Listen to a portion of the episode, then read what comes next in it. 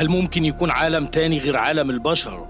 هو مصدر كتاب قراه ناس كتير من قرون طويلة وهيقراه ناس كتير بعدهم ويقعوا في الفخ بتاعه. الكتاب اللي هنتكلم عنه النهاردة هو من أخطر الكتب في التاريخ ومنتشر بلغات كتيرة وبطبعات مختلفة لكن مصدر الكتاب نفسه لسه مشكوك فيه. الاسم المدون عليه بيقول إن اللي كتبه إنسان لكن كل الدلائل بتقول إن اللي كتبه مستحيل يكون من الإنس وإن اللي كتبه هو واحد من مرضة الجن. الكتاب ده اسم أكيد كلنا سمعنا عنه وهو شمس المعارف الكبرى.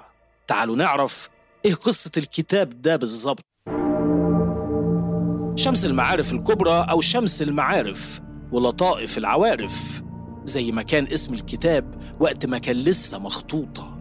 هو كتاب في السحر من أهم الكتب في المجال ده عبر التاريخ. تتخلل فصول الكتاب وصفات سحرية محدش قدر يعرفها أو اطلع عليها قبل خروج الكتاب للنور. ومؤلف كتاب شمس المعارف هو شخص صوفي جزائري اسمه شهاب الدين أحمد ابن علي ابن يوسف البوني المالكي. من مدينة بونا واللي معروفة النهاردة في الجزائر باسم عنابة. عاش البوني في القرون الوسطى. وتحديدا في زمن الحروب الصليبية وده بحسب الروايات التاريخية القليلة جدا عنه. واللي كلها اتفقت عن إنه شخص سلك طريق العلماء لكن فيه هالة من الغموض أحاطت بيه وغلفت حياته. وبيعتقد إن البني عاش 102 سنة وهو أمر ممكن وإن كان نادر في كل الأزمان. امتلك البوني خبرات سحرية غريبة على عصره والوسط الديني اللي عاش فيه. واللي بيحرم السحر بنص القرآن الكريم. الغريب فعلا إن البوني في بدايته كان عالم دين وليه مؤلفات كتير في العلوم الشرعية والدينية. من ضمن الكتب اللي ألفها كتاب اسمه شرح أسماء الله الحسنى.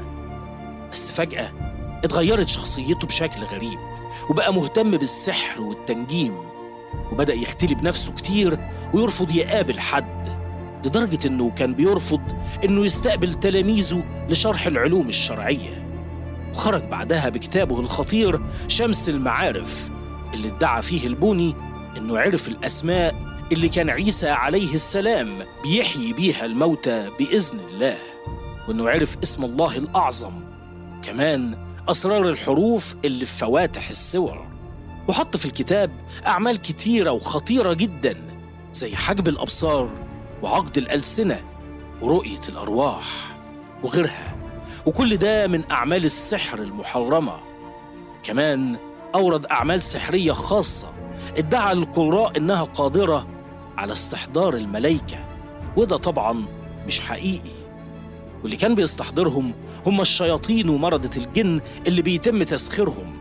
وتعمد البوني إنه يخلط الدين بالسحر زي إنه يبين فضل أسماء الله الحسنى. ويجعل ليها وصفات سحرية لنيل طلبات معينة. كل ده من السحر والشعوذة المحرمة في الإسلام بنص زي ما قال ربنا في كتابه العزيز واتبعوا ما تتلو الشياطين على ملك سليمان وما كفر سليمان ولكن الشياطين كفروا. يعلمون الناس السحر وما أنزل على الملكين ببابل هاروت وماروت. هما يعلمان من أحد حتى يقولا إنما نحن فتنة فلا تكفر. فيتعلمون منهما ما يفرقون به بين المرء وزوجه وما هم بضارين به من أحد إلا بإذن الله. ويتعلمون ما يضرهم ولا ينفعهم. ولقد علموا لمن اشتراه ما له في الآخرة من خلاق. والآية دي بتثبت إن السحر كفر مهما ادعى صاحبه إنه بيستخدمه في الخير أو حتى خلطه بحاجات من الدين عشان يخدع الناس بيه. حرم الفقهاء من أهل العلم قراية كتاب شمس المعارف الكبرى لأنه يعتبر من أكبر الكتب في السحر والتنجيم وطرق التعامل معها. وحدد البوني في الكتاب ساعات فلكية صالحة للأعمال الشريرة واتكلم فيها عن معتقداته الفاسدة. ومن بينها تقديس الكواكب السيارة السبعة واحتوى على كثير من الأوفاق أو الوصفات السحرية اللي أكد إن ليها تأثير كبير في تحقيق المراد للشخص اللي هينفذها وحط شروط لكتابة العمل منها ترتيب الخطوات بأوقات محددة تكون موافقة للكواكب. ورغم العمر الطويل اللي عاشه البوني وتنقله بين عدد كبير من البلاد زي الأندلس ومصر والقدس والحجاز والعراق. لكن فضلت المصادر عنه قليلة جدا وممكن يكون تخفيه كان مقصود عشان يبعد عنه السلطات اللي ممكن تطارده بسبب نشاطه المحرم. لكن بعض اللي عصروه كتبوا عنه ووصفوا شخصيته بالانعزالية والتقشف الشديد. وقالوا كمان إنه رفض الزواج وما كانش بيحب يستقبل حد. ويمكن ده لأن صحبته أو ضيوفه كانوا من نوع مختلف عن البشر كانوا من الجن. ويمكن ده اللي يجاوب عن السؤال اللي حير ناس كتير وهو مصدر الوصفات السحرية اللي ما اتذكرتش قبله في أي كتاب. فهي ما كانتش متفرقة وجمعها وما كانتش سرية وأعلنها وده بشهادة أهل السحر.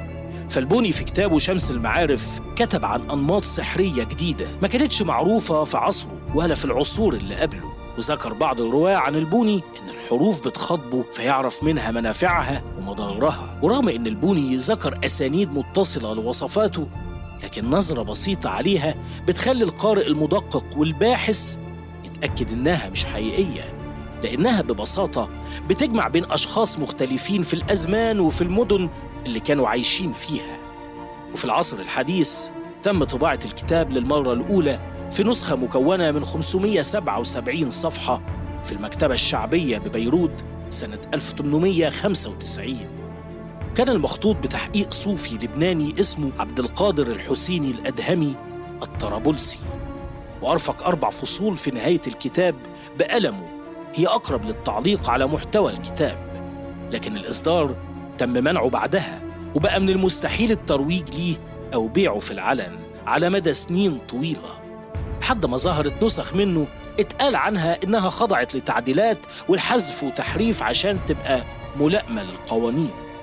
والمشتغلين في السحر بيقولوا إن النسخ التجارية من شمس المعارف طالها مقص رقيب ومفيش ولا واحد منها زي الأصل. لكن رغم كده بينصحوا أي حد يفكر يقرأ الكتاب إنه يقراه بعينه بس لكن ما يتلفظش بأي تعويذة مكتوبة بلسانه لأن مجرد نطق الصيغة المذكورة في الكتاب من الممكن إنه يتسبب في استحضار الجن. ووجوده خطر على الإنسان ورغم إن الكتاب بيحط نوايا إيجابية للأعمال السحرية لكن الأساليب المستخدمة فيه مليانة بالكفر والتجديف الديني. ففي كتير من نسخ الكتاب خصوصا اللي تعتبر أقرب للأصل هنلاقي أعمال سحرية بتهين مقدسات دينية لإرضاء الشياطين. في سنة 2010 قام مجموعة من المثقفين الجزائريين بعقد ملتقى دولي على مدار أيام. ناقشوا فيه شخصية البوني الغريبة. واتكلم الباحث في التصوف سعيد جاب الخير عن البوني وقال إنه ذكر أفلاطون وأرسطو فيثاغورس وأبوقراط وهرمس كمان ذكر المنجمين الكلدانيين والسابقة والبابليين كمصادر لوصفاته. وقال إن البوني اتكلم في كتاباته عن حكاية غريبة. وهي إنه لقى مخبأ تحت الأهرامات المعروفة بأهرامات أخميم وفي المخبأ لقى مجموعة كبيرة من البرديات القديمة اللي فيها وصفات سحرية. والحقيقة إن الفراعنة كانوا معروفين ببراعتهم وقوتهم في السحر. لكن لو فكرنا في إن المخطوطات دي كانت مكتوبة باللغة الهيروغليفية فأكيد ما كانش البوني هيعرف اللي فيها. لسبب بسيط وهو إن محدش لسه ساعتها كان كشف سر الحروف الهيروغليفية. واللي ما تعرفش سرها غير مع الفرنسي شامبليون بعد اكتشاف حجر رشيد. لكن بيبقى احتمال إن المخطوطات اللي لقاها البوني كانت مكتوبة باللغة القبطية واللي كانت معروفة ممكن يتعلم قرايتها. وتكلم نفس الملتقى عن المنجم المعروف بنبوءاته المشهورة نوستراداموس وقال إنه فيه احتمالات كتيرة إنه اعتمد على البوني في قراية المستقبل خصوصا وإن البوني كان اتنبأ في حياته بسقوط الدولة الفاطمية والدولة العباسية وأحداث كتيرة حصلت فعلا. وكان من بين اللي حضروا المؤتمر الروائي الشهير رشيد بوجدرا اللي اتكلم عن كاتب الرعب الأمريكي لافكرافت وإنه استلهم شخصية البوني في روايته الشهيرة نيكروميكون وإن شخصية الساحر اليمني عبد الله الحزرد واللي مات أو اختفى بطريقة غريبة مستمدة من شخصية البوني. واللي اتشهر عنه الاختفاء والظهور لدرجة إنه حتى مكان وفاته غير معروف. فالبعض ذكر إنه اختفى أو مات في مصر والبعض قال إنه كان في تونس وقت اختفائه. لكن حتى موته ما كانش فيه دليل عليه. كمان اتكلم رشيد بوجادرة عن العلاقة بين كتاب العزيف اللي ذكره لافكرافت في روايته وقال إنه غالبا كان يقصد كتاب شمس المعارف الكبرى. في النهاية ما ننصحش أي حد يفكر يقرأ الكتاب أو جزء منه حتى لو نسخة مش أصلية ولو على سبيل الفضول لأن اللي بيلعب بالنار لازم يتحرق بيها.